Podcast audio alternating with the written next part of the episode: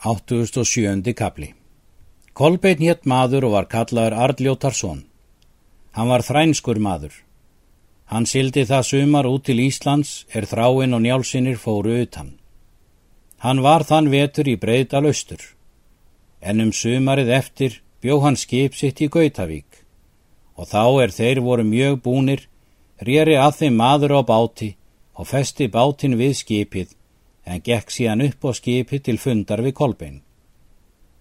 Kolbein spurði þennan manna nafni. Rappur heiti ég, segir hann. Hvers son er þú, segir Kolbein. Rappur svarar. Ég er son örgum leiða Geirólfssonar Gerpis. Hvað vilt þú mér, segir Kolbein. Ég vil byggja þig, segir Rappur, að þú flytir í mig um haf. Kolbeitt spyr. Hver nöðsin er þér á? Ég hef vegið víg eitt, segir Rappur. Hvert víg er það, segir Kolbeitt, eða hverjir eru til eftirmáls? Rappur svarar. Ég vegið Örlig Ölvisson, Hróðgerssonar hins kvíta, en til eftirmáls eru voffyrðingar. Þess get ég að sá hafi verð er þið flytur, segir Kolbeitt. Rappur mælti. Vinur er ég vinar míns, en geld ég það er ítla er til mín gert, en það skortir mig eigi fjö til að leggja fyrir farið. Síðan tók kolbein við rappi. Littlu síðar gaf byr og sykla þeir í haf. Rapp þraut vistur í hafi. Settist hann þá að með þeim er næstir voru. Þeir spruttu upp með íllirðum og svo kom að þeir ráðast á og hefur rappur þá þegar undir tvo menn. Þá var sagt kolbeini og bauð hann rapp í mötuneyti sitt og hann þá það. Þeir koma af hafi og leggja utan við agðanes. Þá spyr kolbein rapp. Hvar er fjöð það er þú bauðst í leigu undir þig? Það er út á Íslandi, segir rappur. Kolbein mælti. Vera mynd þú fleirum prettóttur en mér, en þó vil ég þér nú uppgefa alla leiguna. Rappur bað hann hafa þökk fyrir, eða hvað leggur þú nú til ráðs með mér? Það fyrst, segir Kolbeinn, að þú far sem bráðast frá skipi, því að allir austmenn munu ítla tólka fyrir þér, en þó ræði ég þér það annað heilræði, að þú svík aldrei lánar drottin þinn. Síðan gekk hrappur á land upp með vopnum sínum og hafði öksi eina mikla í hendi, vafinn skeftu. Hann fer þar til er hann kemur til Guðbrands í Dala. Hann var hinn mesti vin Hákonar Jarls. Þeir áttu hóf báðir saman og var því aldrei upp lokið nema þá er Jarl komþángað. Það var annað mest hofi í Norgi en annað á hlöðum. Þrándur hétt sonur Guðbrands en Guðrún dóttir. Rappur gekk fyrir Guðbrand og hvati hann vel.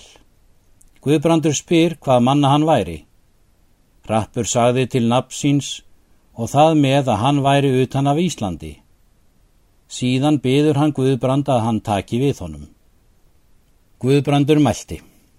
Ekki líst mér svo á þig sem þú munir gæfum aður vera. Mjög þykir mér og logið frá þér, segir Rappur. Er það var sagt að þú tækir við öllum þeim er þig bæðu og engi maður var í jafn ágætur sem þú. Mun ég því í móti mæla ef þú tekur eigi við mér. Guðbrandur mælti. Hér mun þú vera hljóta. Hvar vísar þú mér til sess, segir Rappur. Á hinn óæðra bekk, segir Guðbrandur, gengt öndvegi mínu. Rappur fór í sæti sitt. Hann kunni frá mörgu að segja. Var það fyrst að Guðbrandi þótti gaman að og mörgum öðrum, en þó kom svo að mörgum þótti of kerski. Og þar kom að hann slóst á tal við Guðrúnu dóttur Guðbrands, svo að það töluðu menn að hann myndi fýbla hana. En er Guðbrandur var þess var, taldi hann á hana mjög, er hún átti tal við hrapp, og bað hann að varast að mæla nokkuð við hann, svo að eigi heyrðu allir menn. Hún hétt góðu um fyrst, en þó dró til vanda um tal þeirra. Þá setti Guðbrandur til ásvarð verkstjóra sinn að ganga með henni hvert er hún færi. Einu hverju sinni var það og hún beitist að fara á hnótskó að skemta sér og fyldi ásvarður henni. Rappur leitar eftir þeim og finnur þau á hnótskóginum. Hann tók í hönd Guðrúnu og leiti hana eina saman. Síðan fór ásvarður að leita hennar og fann þau í runni einum líkja bæði saman. Hann hleypur að með öksi reyta og hjó til fótar raps, en rappur brást við fast og misti ásvarður hans. Rappur spratt á fætur sem skjótast og þreif öksi sína. Síðan vildi ásvarður undan snúast. Rappur höggur í sundur í honum hrikkin. Þá mælti Guðrún. Nú hefur þú það unnið, er þú mynd eigi með föður mínum lengur vera. En þó er það sumt er honum en enn verð þykja, því að ég fer með barni. Rappur svarar. Egi skal hann þetta af öðrum spyrja og skal ég fara heim og segja honum hvortvekja. Þá mynd þú eigi með fjörfi í braud komast, segir hún. Á það skal hætta, segir hann. Eftir það fylgir hann henni til hvenna annara en hann fór heim. Guðbrandur satt í öndvegi og var fátt manna í stofunni. Rappur gekk fyrir hann og bar hátt öksina. Guðbrandur spurði, hví er blóðug öks þín? Ég gerði að bakverk ásvarðar verstjóra þíns, segir Rappur. Það mun eigi af góðu, segir Guðbrandur. Þú munt hafa vegið hann. Svo er víst, segir Rappur. Hvað var til saka, segir Guðbrandur. Lítið mundi yður þykja, segir Rappur. Hann vildi höggva af mér fótinn. Hvað hafðir þú til gert áður? segir Guðbrandur. Það er hann átti enga sök á, segir Rappur. Þó máttu segja hvað það var, segir Guðbrandur. Rappur mælti. Ef þú vilt það vita, þá lág ég hjá Guðrúnu dóttur þinni og þótti honum það illa.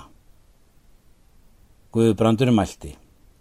Standi menn upp og taki hann og skal hann drepa. Allít lætur þú mig njóta máksendar, þeir rappur, en eigi hefur þú það mannval að þetta muni skjótlega gera. Þeir stóðu upp en hann hopaði út undan. Þeir hlaupa eftir en hann kemst á skó undan og höfðu þeir hans ekki. Guðbrandur sapnar liði og let kanna skógin og finna þeir hann eigi því að skóurinn var mikill og þröngur. Rappur fer um skógin, þar til er hann komi rjóður nokkurt. Þar fann hann húsabæ og mann úti og klauf skýð. Hann spurði þennan manna nafni og nefndist hann Tófi. Tófi spurði að hans nafni og nefndist Rappur sem hann hétt. Rappur spyr hví bóndi byggi svo fjarrri öðru mönnum. Því, sagði hann, að ég þykist hér líkt þurfað amast við aðra menn. Við förum kynlega með okkur um málinn, segir Rappur, og mun ég fyrri segja þér hver ég er.